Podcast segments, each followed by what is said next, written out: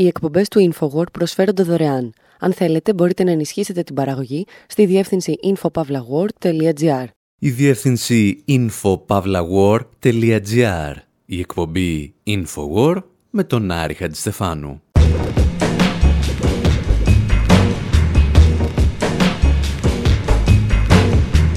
Όπου σήμερα συζητάμε για τα μεγάλα πλυντήρια του αθλητισμού με αφορμή τη διεξαγωγή του Παγκόσμιου Κυπέλου Ποδοσφαίρου στο Κατάρ.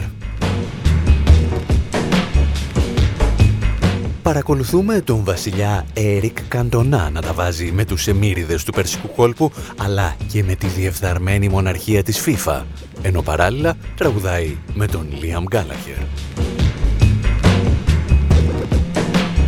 Θυμόμαστε ότι κανένας δεν έφτασε τον Χίτλερ στο ξέπλυμα πράξεων και συνειδήσεων μέσω του αθλητισμού, αλλά θυμόμαστε και μερικά πιο πρόσφατα παραδείγματα που αφορούν τη γειτονιά μας και τη χώρα μας. Προσποιούμαστε τους ευτυχισμένους ταξιδιώτες στη Σαουδική Αραβία και αναρωτιόμαστε ποιο είναι το ηθικό κόστος ενός εισιτηρίου πρώτης θέσης για το Ριάντ.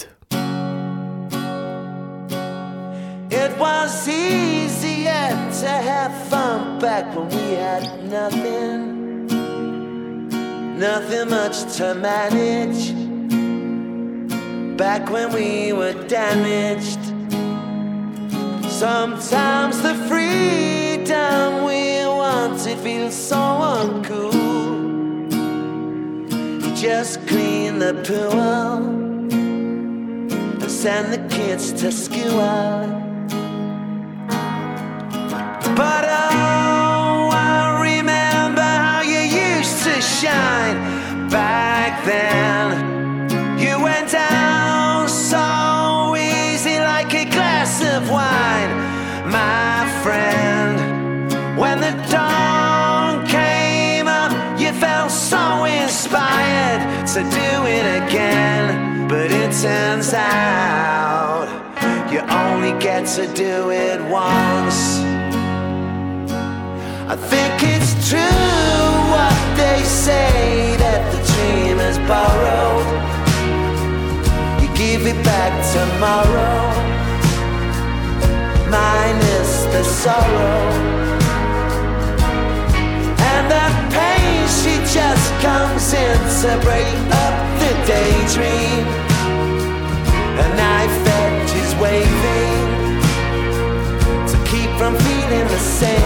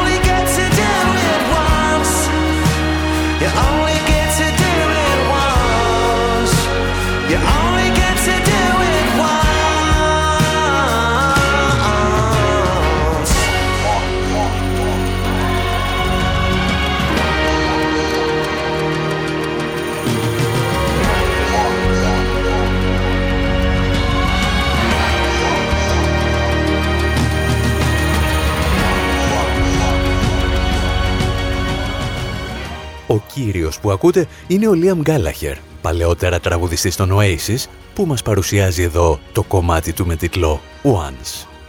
Αυτό που δεν βλέπετε είναι ότι στο βίντεο κλιπ του τραγουδιού κυριαρχεί η πληθωρική φυσιογνωμία του Ερικ Καντονά.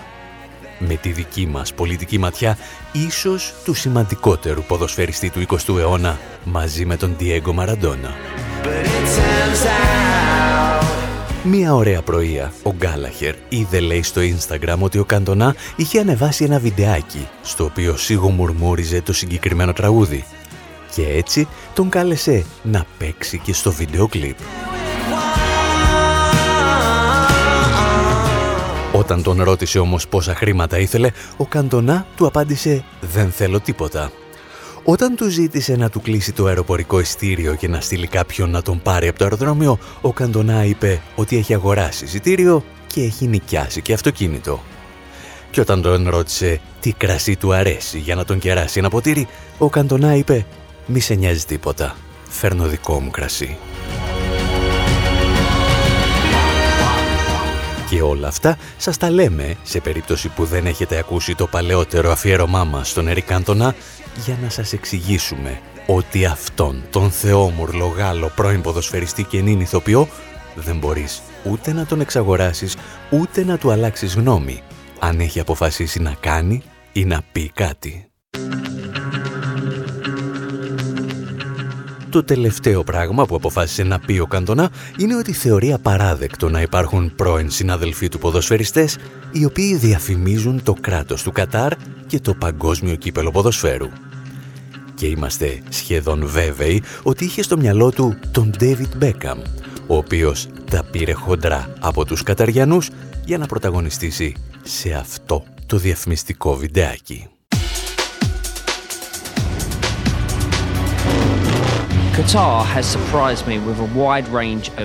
Το Κατάρ εξέπληξε με την ποικιλία των εμπειριών που μπορεί να σου προσφέρει μέσα σε μόλις 48 ώρες. Οι άνθρωποι είναι τόσο ζεστοί και φιλόξενοι. Το Κατάρ είναι ένας καταπληκτικός προορισμός για να περάσει μερικές ημέρες καθοδόν προς κάποιον άλλον προορισμό.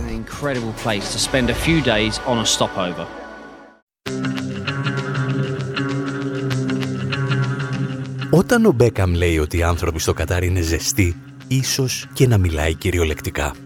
Γιατί από την ημέρα που ξεκίνησαν τα έργα υποδομής για το παγκόσμιο κύπελο ποδοσφαίρου, 6.500 από αυτούς τους ανθρώπους ζεστάθηκαν τόσο πολύ που πέθαναν από εξάντληση. Ήταν οι 6.500 ξένοι εργάτες, οι οποίοι σύμφωνα με την εφημερίδα Guardian φαίνεται να άφησαν την τελευταία τους πνοή από εξάντληση και ασθένειες που σχετίζονται με τις συνθήκες εργασίας τους. Το Κατάρ χρησιμοποιεί λοιπόν τη διοργάνωση του παγκοσμίου κυπέλου που του προσέφερε η FIFA για να κάνει το λεγόμενο sports washing, σε ελληνική απόδοση το ξέπλυμα μέσω του αθλητισμού. Όπως έχουμε δηλαδή το greenwashing για το πράσινο ξέπλυμα κρατών και εταιριών, το pinkwashing που σχετίζεται με τα δικαιώματα της ΛΟΑΤΚΙ κοινότητας και ούτω καθεξής. Παρεπιπτόντος, για να κάνουμε τη διαφήμιση της ημέρας, όλους αυτούς τους όρους τους εξηγούμε στο βιβλίο «Προπαγάνδα και παραπληροφόρηση» που κυκλοφορεί από τις εκδόσεις «Τόπος» και το οποίο περιλαμβάνει αρκετά παραδείγματα από την Ελλάδα. Κλείνει η παρένθεση και δίνουμε το λόγο στον Dave Zirin, ίσως τον πιο πολιτικοποιημένο αθλητικό συντάκτη των Ηνωμένων Πολιτειών θα μας εξηγήσει τι ακριβώς σημαίνει sports washing και έτσι θα καταλάβουμε και τα νεύρα του Eric Καντονά. Sports washing is when an authoritarian regime uses a major sporting event like the World Cup or the Olympics as a method of. Sport washing είναι το φαινόμενο στο οποίο ένα αυταρχικό καθεστώς χρησιμοποιεί ένα μεγάλο αθλητικό γεγονός, σαν το Παγκόσμιο Κύπελο Ποδοσφαίρου ή τους Ολυμπιακούς Αγώνες, για να αποσπάσει την προσοχή της κοινής γνώμης από τα εγκλήματα που πραγματοποιεί εναντίον του πληθυσμού του. Αυτός είναι ο επικρατέστερος ορισμός. Πιστεύω όμως ότι πρέπει να χρησιμοποιείται και σε μια άλλη περίπτωση. Όταν μια χώρα προωθεί αθλητικές εκδηλώσεις για να προωθήσει κινήσεις τις οποίες κανονικά δεν θα αποδέχονται δέχονταν οι πολίτες της. Παραδείγματος χάρη, να απομακρύνει μια τοπική κοινότητα για να χτίσει ένα στάδιο για ένα από αυτά τα γιγαντιά αθλητικά γεγονότα. Αυτό είναι το sports washing.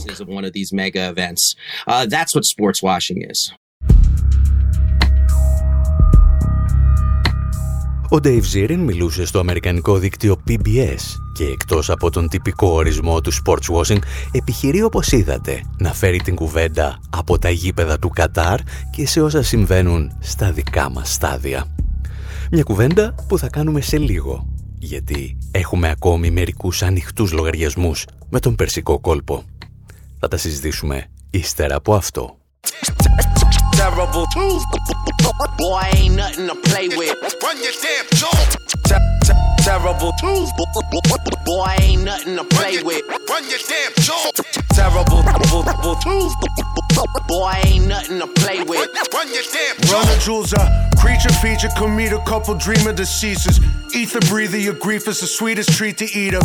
Clean up crew to the leaders of all you Peter beaters. Put a pause to team of weepers, your guac getting seizure. From the top, I'm a tyrant. Topple tons of these pussies. Dead carpet, a tender celebrity mush. You better off dead as a harlot Poly varsity letter grade, I'm a crime pays believer. You heated, invent a better way. Funny how you all try denying us till the climate change. The type of consistent flame, weapon grade, never fade. Look at how we wrecked the game. Hey, don't see it, Ali, they want a Jamal Khashoggi. Me to petrify, don't never change. I'm rearranging that thing that you call a base. Fuck the long earth, run on up to the pigs and ace. We dangerous and we paid. This is a raid. Better tuck the chain. Terrible tools, boy, ain't nothing to play with. Run your damn jaw. Terrible tools, boy, ain't nothing to play with. Run your damn jaw. Terrible tools, boy, ain't nothing to play with. Run your damn jaw. Ο DJ Premier μας παρουσιάζει την εξαιρετική ικανότητα της hip-hop σκηνής να αφουγκράζεται ακόμη και τις ειδήσει στα δελτία ειδήσεων. Μας παρουσιάζει όμως και την απαράμιλη ικανότητα της αγγλικής γλώσσας να μετατρέπει σε ρήμα τα ουσιαστικά, αλλά ακόμη και τα ονόματα ανθρώπων. Θέλουν, λέει το τραγούδι, να με Τζαμάλ Κασόγκη, Δηλαδή θέλουν να με δολοφονήσουν όπως η Σαουδική Αραβία δολοφόνησε και τεμάχισε τον δημοσιογράφο Τζαμάλ Κασόγκη. Ήταν, αν θυμάστε, μια είδηση που πριν από μερικά χρόνια συγκλώνησε τον κόσμο. Αλλά όπως φαίνεται δεν συγκλώνησε όλο τον κόσμο.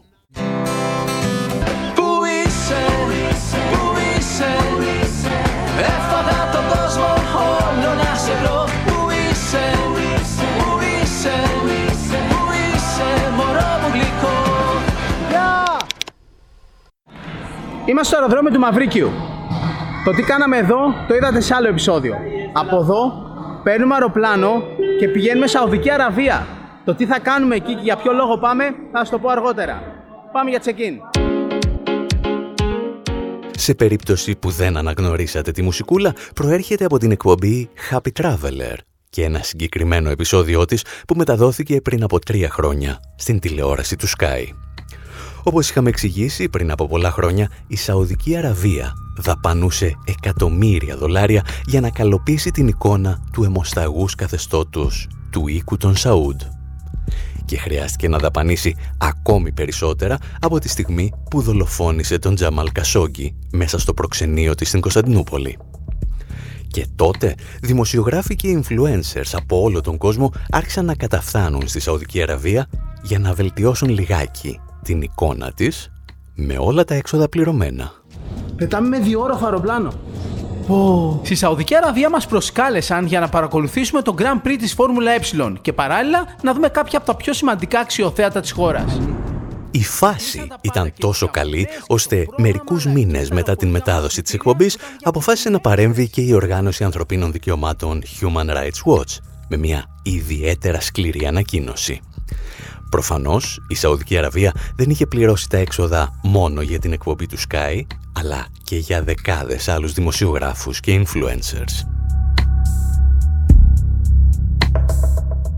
Όσοι υποστηρίζουν τέτοιου είδους διοργανώσεις, έλεγε η οργάνωση στην ανακοίνωσή της, και όσοι λαμβάνουν χρήματα από τη Σαουδική Αραβία ενώ παραμένουν σιωπηλοί για τη φρικιαστική κατάσταση των ανθρωπίνων δικαιωμάτων, ενισχύουν τη στρατηγική του βασιλείου που στόχο έχει να ξεπλένει τον πρίγκιπα διάδοχο Μοχάμεντ Μπιν Σαλμάν. Προφανώς τα χρήματα που έδωσε η Σαουδική Αραβία σε δημοσιογράφους για το παγκοσμίως άγνωστο πρωτάθλημα της Φόρμουλα Ε ήταν φραγκοδίφραγκα σε σχέση με τα κολοσιαία ποσά που δαπανούσε σε άλλες επιχειρήσεις sports washing. Και μία από αυτές τις επιχειρήσεις ήταν και η εξαγορά πριν από μερικά χρόνια της Newcastle United. Τα εξηγούσε τότε μιλώντας στο βρετανικό δίκτυο Sky News ο συγγραφέας και πανεπιστημιακός David Waring. The Saudi regime is not buying Newcastle United because they're great lovers of football. Το καθεστώς της Σαουδικής Αραβίας δεν αγοράζει τη Newcastle United επειδή αγαπά το ποδόσφαιρο. Το κάνει για δύο βασικούς λόγους. Ο πρώτος είναι το λεγόμενο sports washing με το οποίο τα πολιταρχικά καθεστώτα εξοραίζουν την εικόνα τους προς τον υπόλοιπο κόσμο. Το είδαμε να συμβαίνει με τους Κινέζους και τους Ρώσους, το βλέπουμε με το Κατάρ, το είδαμε με την απόκτηση της Manchester City από το Abu Dhabi. Ο δεύτερος λόγος είναι ότι η επένδυση σε ένα ποδοσφαιρικό όμιλο αποτελεί επένδυση και στην τοπική κοινωνία. Τα αυταρχικά καθεστώτα γίνονται αρεστά στις μεγάλες δυνάμεις και ειδικά στις ΗΠΑ, τη Γαλλία και τη Βρετανία επενδύοντας στις οικονομίες τους. Προφανώς αναμένουν ανταλλάγματα από το γαλλικό ή το βρετανικό κράτος σε γεωπολιτικό επίπεδο. Χαρακτηριστικό παράδειγμα είναι ο πόλεμος στην Ιεμένη που διεξάγει εδώ και χρόνια σε Δική Αραβία. Υπάρχει λοιπόν ο γεωπολιτικός παράγοντας και υπάρχει και ο παράγοντας των δημοσίων σχέσεων.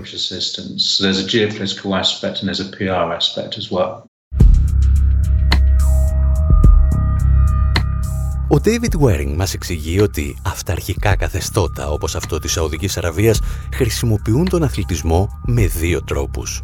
Φιλοξενούν αθλητικές διοργανώσεις για να εξοραίζουν την εικόνα τους, αλλά παράλληλα μεταφέρουν κεφάλαια στη Δύση μέσω αθλητικών ομάδων, ώστε να εξαγοράσουν την γεωπολιτική συνεργασία των ισχυρότερων χωρών του πλανήτη.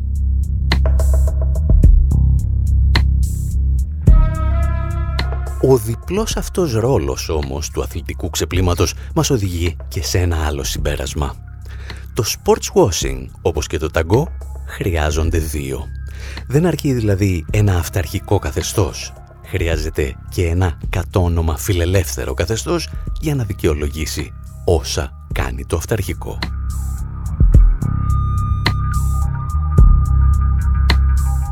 Όλα αυτά όμως θα τα συζητήσουμε στο δεύτερο μέρος της εκπομπής, ταξιδεύοντας από το Βερολίνο του Χίτλερ μέχρι το Λονδίνο με μια μικρή στάση στο Ρίο Ντετζανέιρο.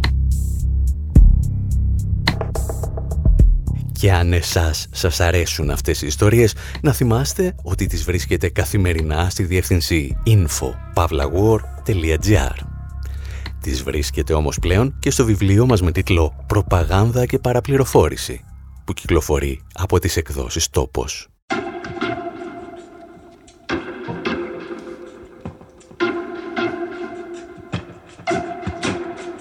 One, two, three, two.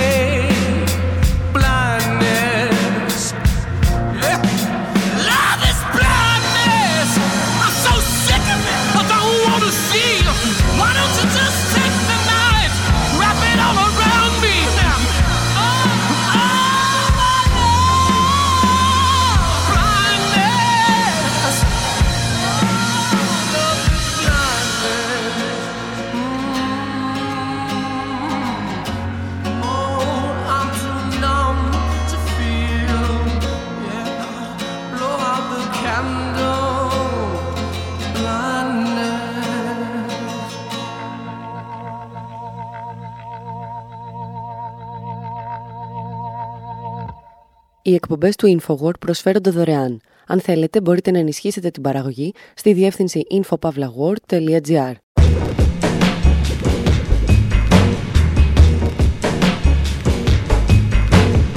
Εκπομπή InfoWord, μέρος δεύτερο. Όπου με αφορμή τη διοργάνωση του Παγκόσμιου Κυπέλου Ποδοσφαίρου στο Κατάρ, συζητάμε για το φαινόμενο του sports washing. Τον τρόπο δηλαδή με τον οποίο τα αυταρχικά καθεστώτα χρησιμοποιούν τον αθλητισμό για να ξεπλύνουν τα εγκλήματά τους στα μάτια της διεθνούς κοινής γνώμης.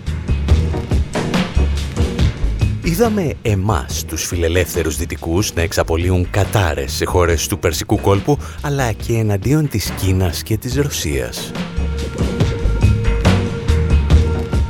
Τώρα όμως θα αναρωτηθούμε εάν αυτές οι κατηγορίες έχουν και κάτι το Ισλαμοφοβικό και ενδεχομένως ψυχροπολεμικό. Γιατί το sports washing δεν αναπτύχθηκε ούτε στον Περσικό κόλπο, ούτε στο Πεκίνο, ούτε στη Μόσχα. Είναι ένα φαινόμενο πέρα για πέρα ευρωπαϊκό και το ξεκίνησε ο Αδόλφος Χίτλερ.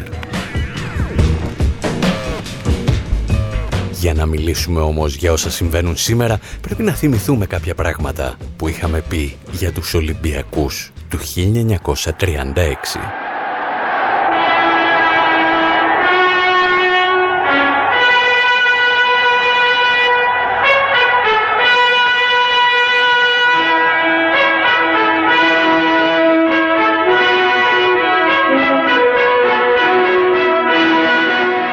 Η φρικτή μουσική που ακούτε μας έρχεται από ένα εξαιρετικό ντοκιμαντέρ που γυρίστηκε για ένα φρικτό σκοπό. Είναι η περίφημη κάλυψη των Ολυμπιακών Αγώνων του 1936 στο Βερολίνο, γυρισμένη και σκηνοθετημένη από τη Λένι Ρίφενσταλ. Και από τις πρώτες σκηνές του ντοκιμαντέρ που εσείς δεν βλέπετε είναι η είσοδος της ελληνικής αποστολής αθλητών, οι οποίοι χαιρετούν ναζιστικά τον Αδόλφο Χίτλερ. Στην κορυφή της πομπής, της πομπής μας, βρίσκεται ο Σπύρος Λούις, ο οποίος αργότερα θα σφίξει το χέρι του Χίτλερ. Θα χρειαστεί ένας παγκόσμιος πόλεμος και ένα ολοκαύτωμα, ώστε η ανθρωπότητα να καταλάβει ότι δεν πρέπει ποτέ να σφίγγει στο χέρι ενός φασίστα. Εκείνες τις ημέρες όμως επικρατούσε μια διαφορετική λογική. Οι Ολυμπιακοί αγώνες, έλεγαν κάποιοι, δεν είναι για να διχάζουν τους λαούς, αλλά για να τους ενώνουν. Και ο αθλητισμός, έλεγαν οι ίδιοι, δεν πρέπει ποτέ να πολιτικοποιείται. Ο Χίτλερ γνώριζε φυσικά τι έλεγαν και φρόντισε να μετατρέψει τους Ολυμπιακούς Αγώνες σε ένα πανίσχυρο όπλο προπαγάνδας για την προώθηση του ναζισμού. Και όπως μαθαίναμε στα ντοκιμαντέρ που θα γυρίζονταν μερικές δεκαετίες αργότερα, όλα ξεκίνησαν με την τελετή έναρξης.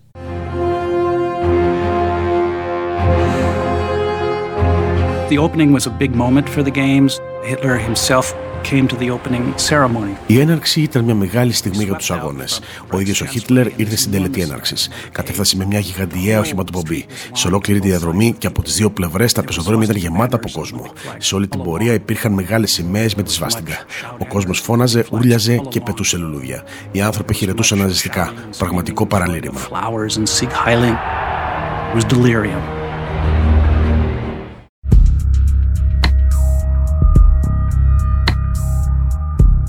Ο Χίτλερ μετατρέπει λοιπόν τους Ολυμπιακούς Αγώνες σε ένα πολιτικό εργαλείο για να προβάλλει την ισχύ του ναζιστικού κράτους σε ολόκληρο τον πλανήτη.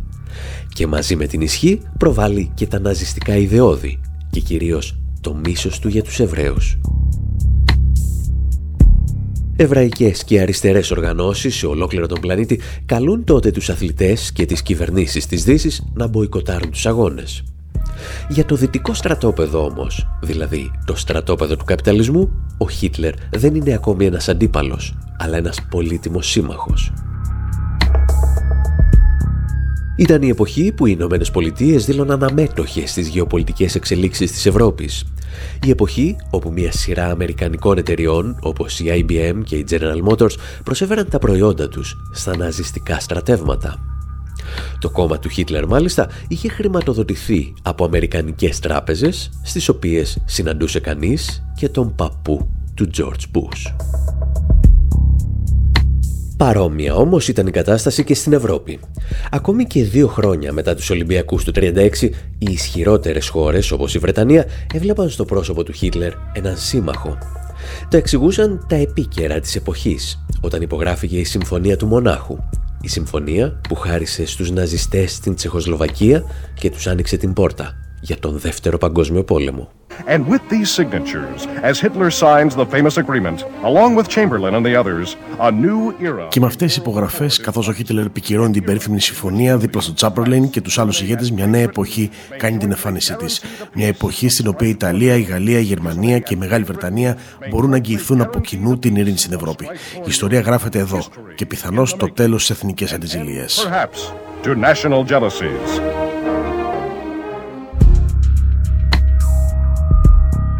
Αυτό ακριβώς ήταν και το πνεύμα που επικρατούσε στους Ολυμπιακούς Αγώνες στο Βερολίνο του 1936. Ο αθλητισμός θα ένωνε τους λαούς και οι εκκλήσεις των Εβραίων για μποϊκοτάζ της διοργάνωσης προκαλούσαν είτε γέλια είτε αδιαφορία. Εκείνη την εποχή, ο βασικός υποστηρικτής της θεωρίας ότι δεν πρέπει να πολιτικοποιούμε τον αθλητισμό άκουγε στο όνομα Avery Brundage.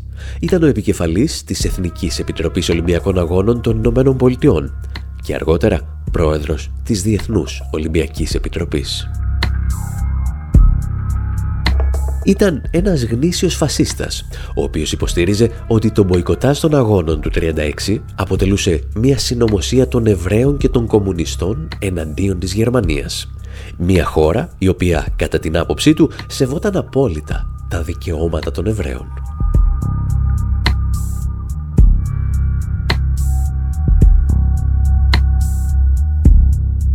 Αν όμως όλες οι χώρες της Δύσης συμμετείχαν στους Ολυμπιακούς Αγώνες του 36, μπορούσε κάποιος να στηρίξει τον μποϊκοτάζ; Θα μπορούσε ο Σπύρος Λούις να μην έχει σφίξει το χέρι του Χίτλερ όταν αυτό ζητούσε η χώρα του;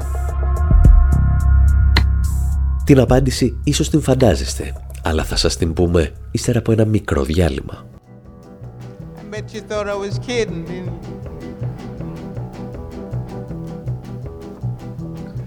Picket lines, school boycotts. They try to say it's a communist plot. All I want is equality for my sister, my brother, my people, and me. Yes, you lied to me all these years. You told me to wash and clean my ears and talk real fine, just like a lady. And you'd stop calling Sister Sadie. Oh, but this whole country is full of lies. You all gonna die and die like flies. I don't trust you anymore. You keep on saying go slow. Go slow. Well, that's just the trouble. Desegregation, mass participation, unification. Do things gradually. Αυτή ήταν η Νίνα Σιμών σε έναν ύμνο υπέρ των μποϊκοτάζ και εναντίον όσων τα χαρακτήριζαν σαν κομμουνιστικό δάκτυλο. Και εμείς στην εκπομπή Infowar με τον Άρη Χατζηστεφάνου συζητάμε για το φαινόμενο του sports washing. Ακούσαμε πώς δικαιολογούσε η Διεθνής Ολυμπιακή Επιτροπή τη διεξαγωγή των αγώνων στην ναζιστική Γερμανία το 1936. Και τώρα ακούστε πώς δικαιολόγησε τη διεξαγωγή των Ολυμπιακών Αγώνων στην Κίνα από ένα παλιότερο ρεπορτάζ του Democracy Now! Human rights groups accuse China of turning the Olympics into a sports washing event and have condemned China's Οι mistreatment. οργανώσεις ανθρωπίνων δικαιωμάτων κατηγορούν την Κίνα ότι μετέτρεψε τους αγώνες σε εκστρατείας sports washing και καταδικάζουν την αντιμετώπιση των Ουιγκούρ και των άλλων μουσουλμάνων. Ο πρόεδρος της Διεθνούς Ολυμπιακής Επιτροπής, Τόμας Μπαχ, ρωτήθηκε για το μήνυμα που στέλνει η Επιτροπή σχετικά με την καταπίεση των Ουιγκούρ και απάντησε ότι δεν σχολιάζει πολιτικά ζητήματα. Insisted he would not comment on political issues. If at the end you would have Olympic Games uh, only Στο τέλος θα έχουμε Ολυμπιακούς Αγώνες οι οποίοι θα διεξάγονται μόνο ανάμεσα στις Εθνικές Ολυμπιακές Επιτροπές και ανάμεσα σε κυβερνήσεις που συμφωνούν σε όλα τα πολιτικά ζητήματα. Οι αγώνες θα χάσουν το πανανθρώπινο χαρακτήρα τους και μαζί θα χάσουν και την αποστολή τους. Έτσι θα οδηγηθούμε στον τερματισμό των Ολυμπιακών Αγώνων. Αν δεν καταφέρουμε να εκπληρώσουμε την αποστολή μας, δηλαδή να ενώσουμε τον κόσμο, θα αντιμετωπίσουμε μεγάλο κίνδυνο.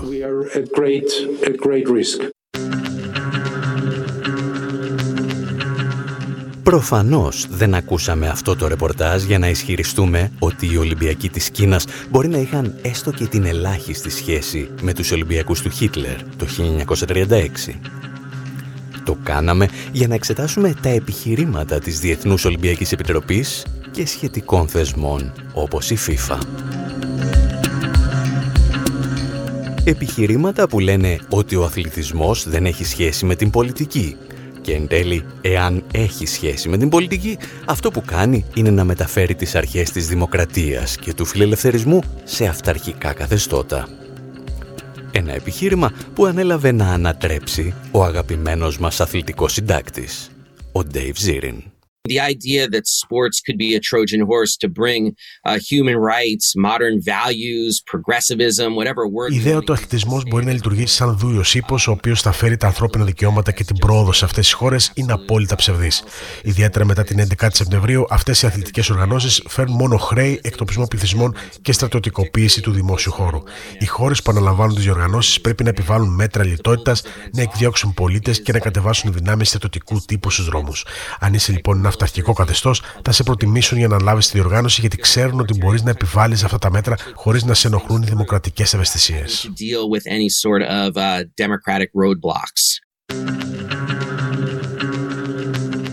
Ο Ζήριν εξηγεί κάτι πολύ απλό.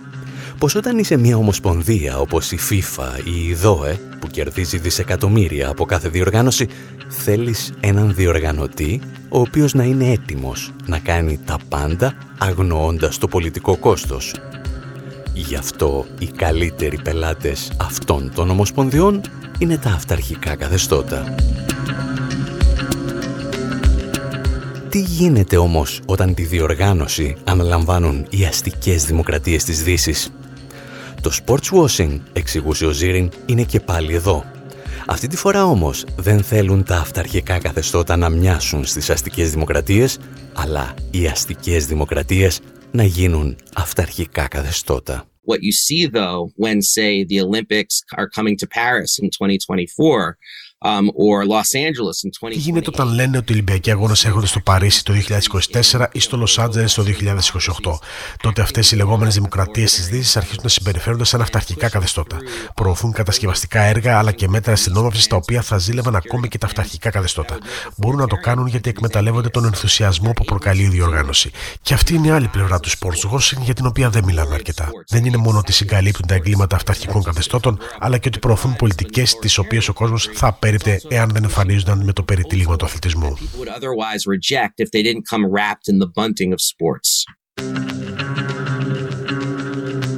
Μία τέτοια περίπτωση, αν θυμάστε, είχαν αποτελέσει οι Ολυμπιακοί Αγώνες του Λονδίνου το 2012.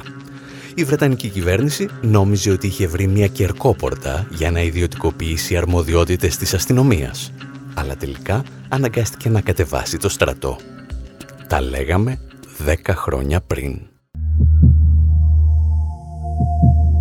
The International Olympic Committee has the honor of announcing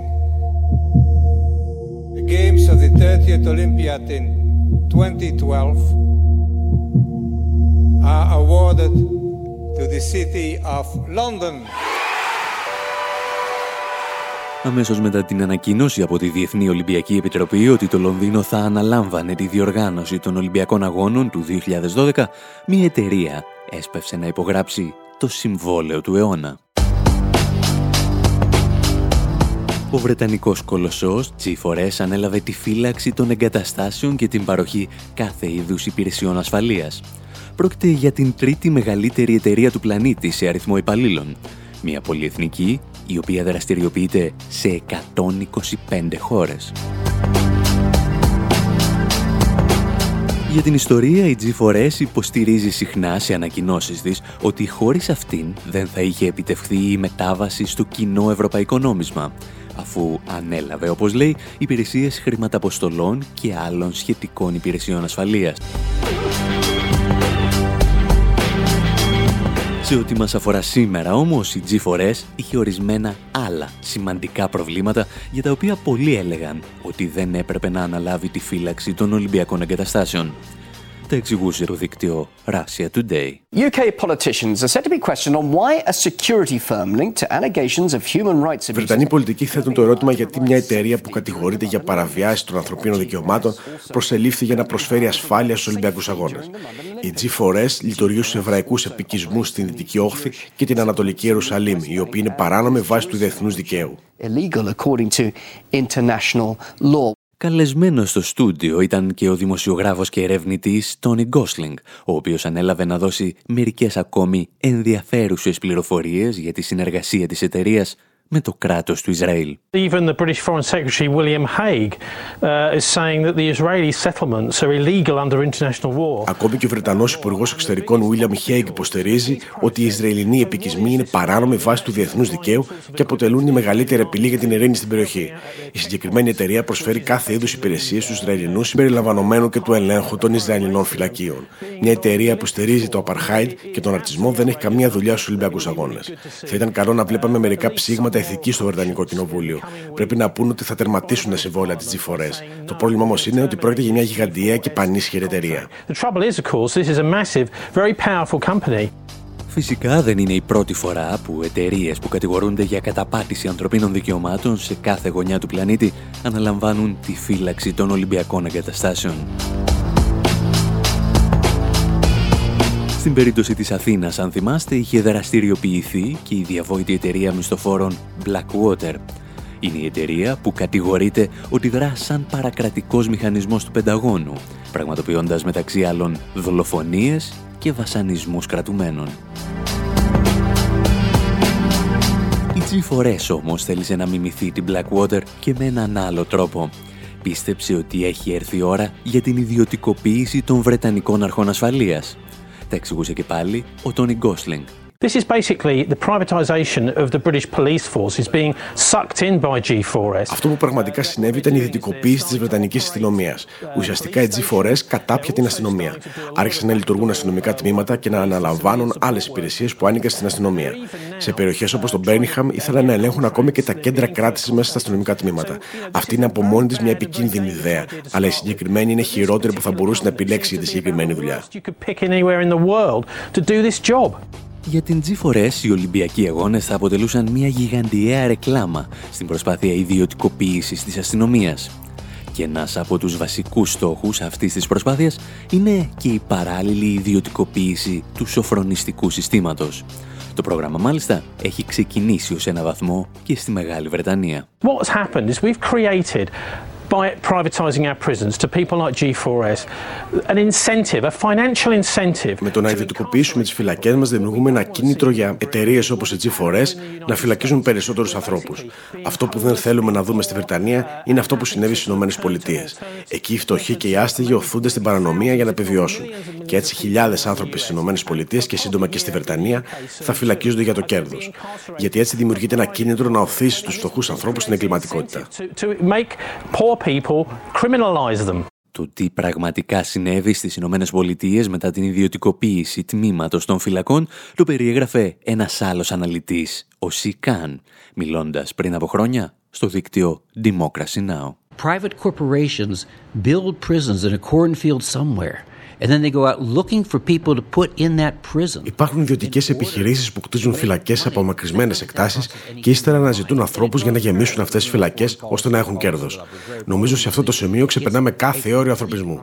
Νομίζω υπάρχουν ομοιότητε με την εξωτερική μας πολιτική, την πολιτική μας στο Abu Ghraib και όλα τα σχετικά. Πρόκειται για κατάφορη παραβίαση των ανθρωπίνων δικαιωμάτων. Και όμως πρόκειται για ενδυμικό φαινόμενο. Στη χώρα μας, 120.000 άνθρωποι βρίσκονται στη φυλακή προσφέροντας κέρδη σε εταιρείες. Country are imprisoned for profit. Όπως εύκολα καταλαβαίνει κανείς, μια ιδιωτική φυλακή είναι σαν ένα ξενοδοχείο. Θέλει πελάτες και θα κάνει τα πάντα για να τους βρει. Ίσως να ασκήσει πιέσεις για αυστηρότερη αστυνόμευση, η οποία θα φέρει περισσότερες συλλήψεις και περισσότερους πελάτες. ή θα ασκήσει πιέσεις για αυστηρότερη τιμωρία του εγκλήματος που θα κρατήσει τους πελάτες περισσότερο στο ξενοδοχείο της. Στην πραγματικότητα βέβαια οι ιδιωτικές φυλακές δεν προέρχονται απλώς από ιδιωτικοποιήσεις του σοφρονιστικού συστήματος. Είναι το ανώτατο επίπεδο των λεγόμενων κοινοπραξιών δημόσιου και ιδιωτικού τομέα. Μια πρακτική που πέραν όλων των άλλων έχει αποδειχθεί παγκοσμίως ότι επιβαρύνει το δημόσιο μια μισή φορά περισσότερο από ότι δηλαδή αν αναλάμβανε το ίδιο να προσφέρει τις ίδιες υπηρεσίες στους πολίτες του. Στη Βρετανία, οι κοινοπραξίες δημόσιου και ιδιωτικού τομέα θεωρούνται ένας από τους βασικούς λόγους της σταδιακής κατάρρευσης του συστήματος υγείας.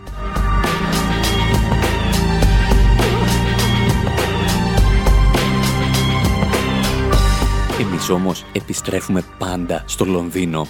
Ενώ λοιπόν όλα ήταν έτοιμα ώστε οι Ολυμπιακοί Αγώνες να αποτελέσουν την κερκόπορτα για την ιδιωτικοποίηση των λειτουργικών ασφαλείας της Μεγάλης Βρετανίας, η G4S κατάφερε να τεινάξει τα πάντα στον αέρα. Η ιδιωτική εταιρεία ανακοίνωσε ότι δεν είναι τελικά σε θέση να προσφέρει τις υπηρεσίες που υποσχέθηκε στο Βρετανικό κράτος.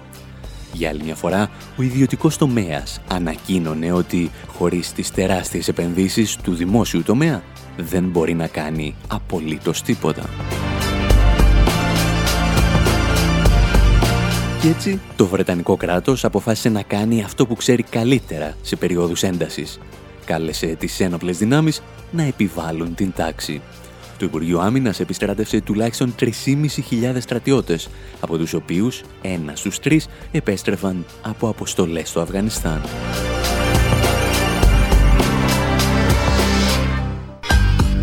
Και κάπου εδώ θα αναρωτηθείτε, έχει τελικά διαφορά αν η χώρα σου θα βρίσκεται υπό τον έλεγχο ιδιωτικών ή δημόσιων στρατευμάτων κατοχής; Η αλήθεια είναι πως όχι. Απλώς, ακόμη και εδώ, το δημόσιο είναι εν τέλει πιο φθηνό για το φορολογούμενο.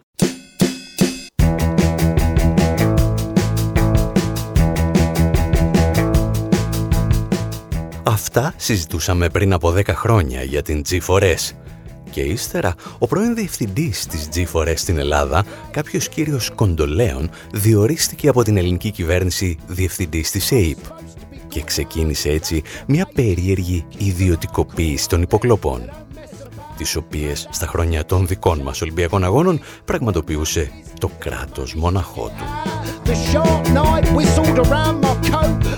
Κάπου εδώ όμως, με ιστορίες σαν και αυτές, λέμε να σας αφήσουμε και για αυτή την εβδομάδα. Και στο σημείο αυτό θα θέλαμε να πούμε και ένα μεγάλο ευχαριστώ σε όλους εσάς που το τελευταίο διάστημα ενισχύετε και οικονομικά τις πρωτοβουλίες μας μέσα από τη διεύθυνση info.pavlawar.gr Μέχρι την επόμενη εβδομάδα από τον Άρη Χατζηστεφάνου στο μικρόφωνο και τον Δημήτρη Σταθόπουλο στην τεχνική επιμέλεια Γεια σας και χαρά σας. I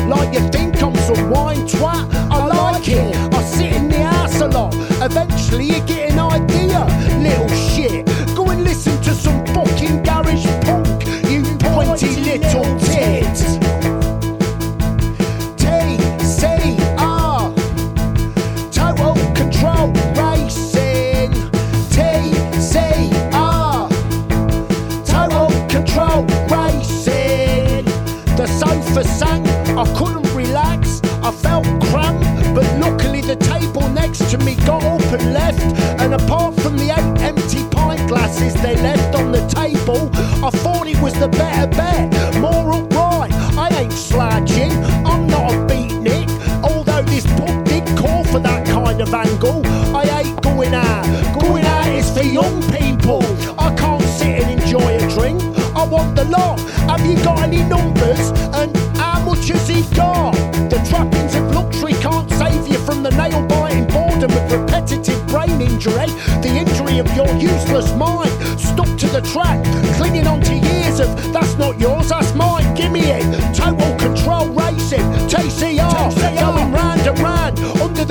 Bridges, slowing down. It's all about technique and shandy sheet under five seconds flat. The tragedy of the maleless fucking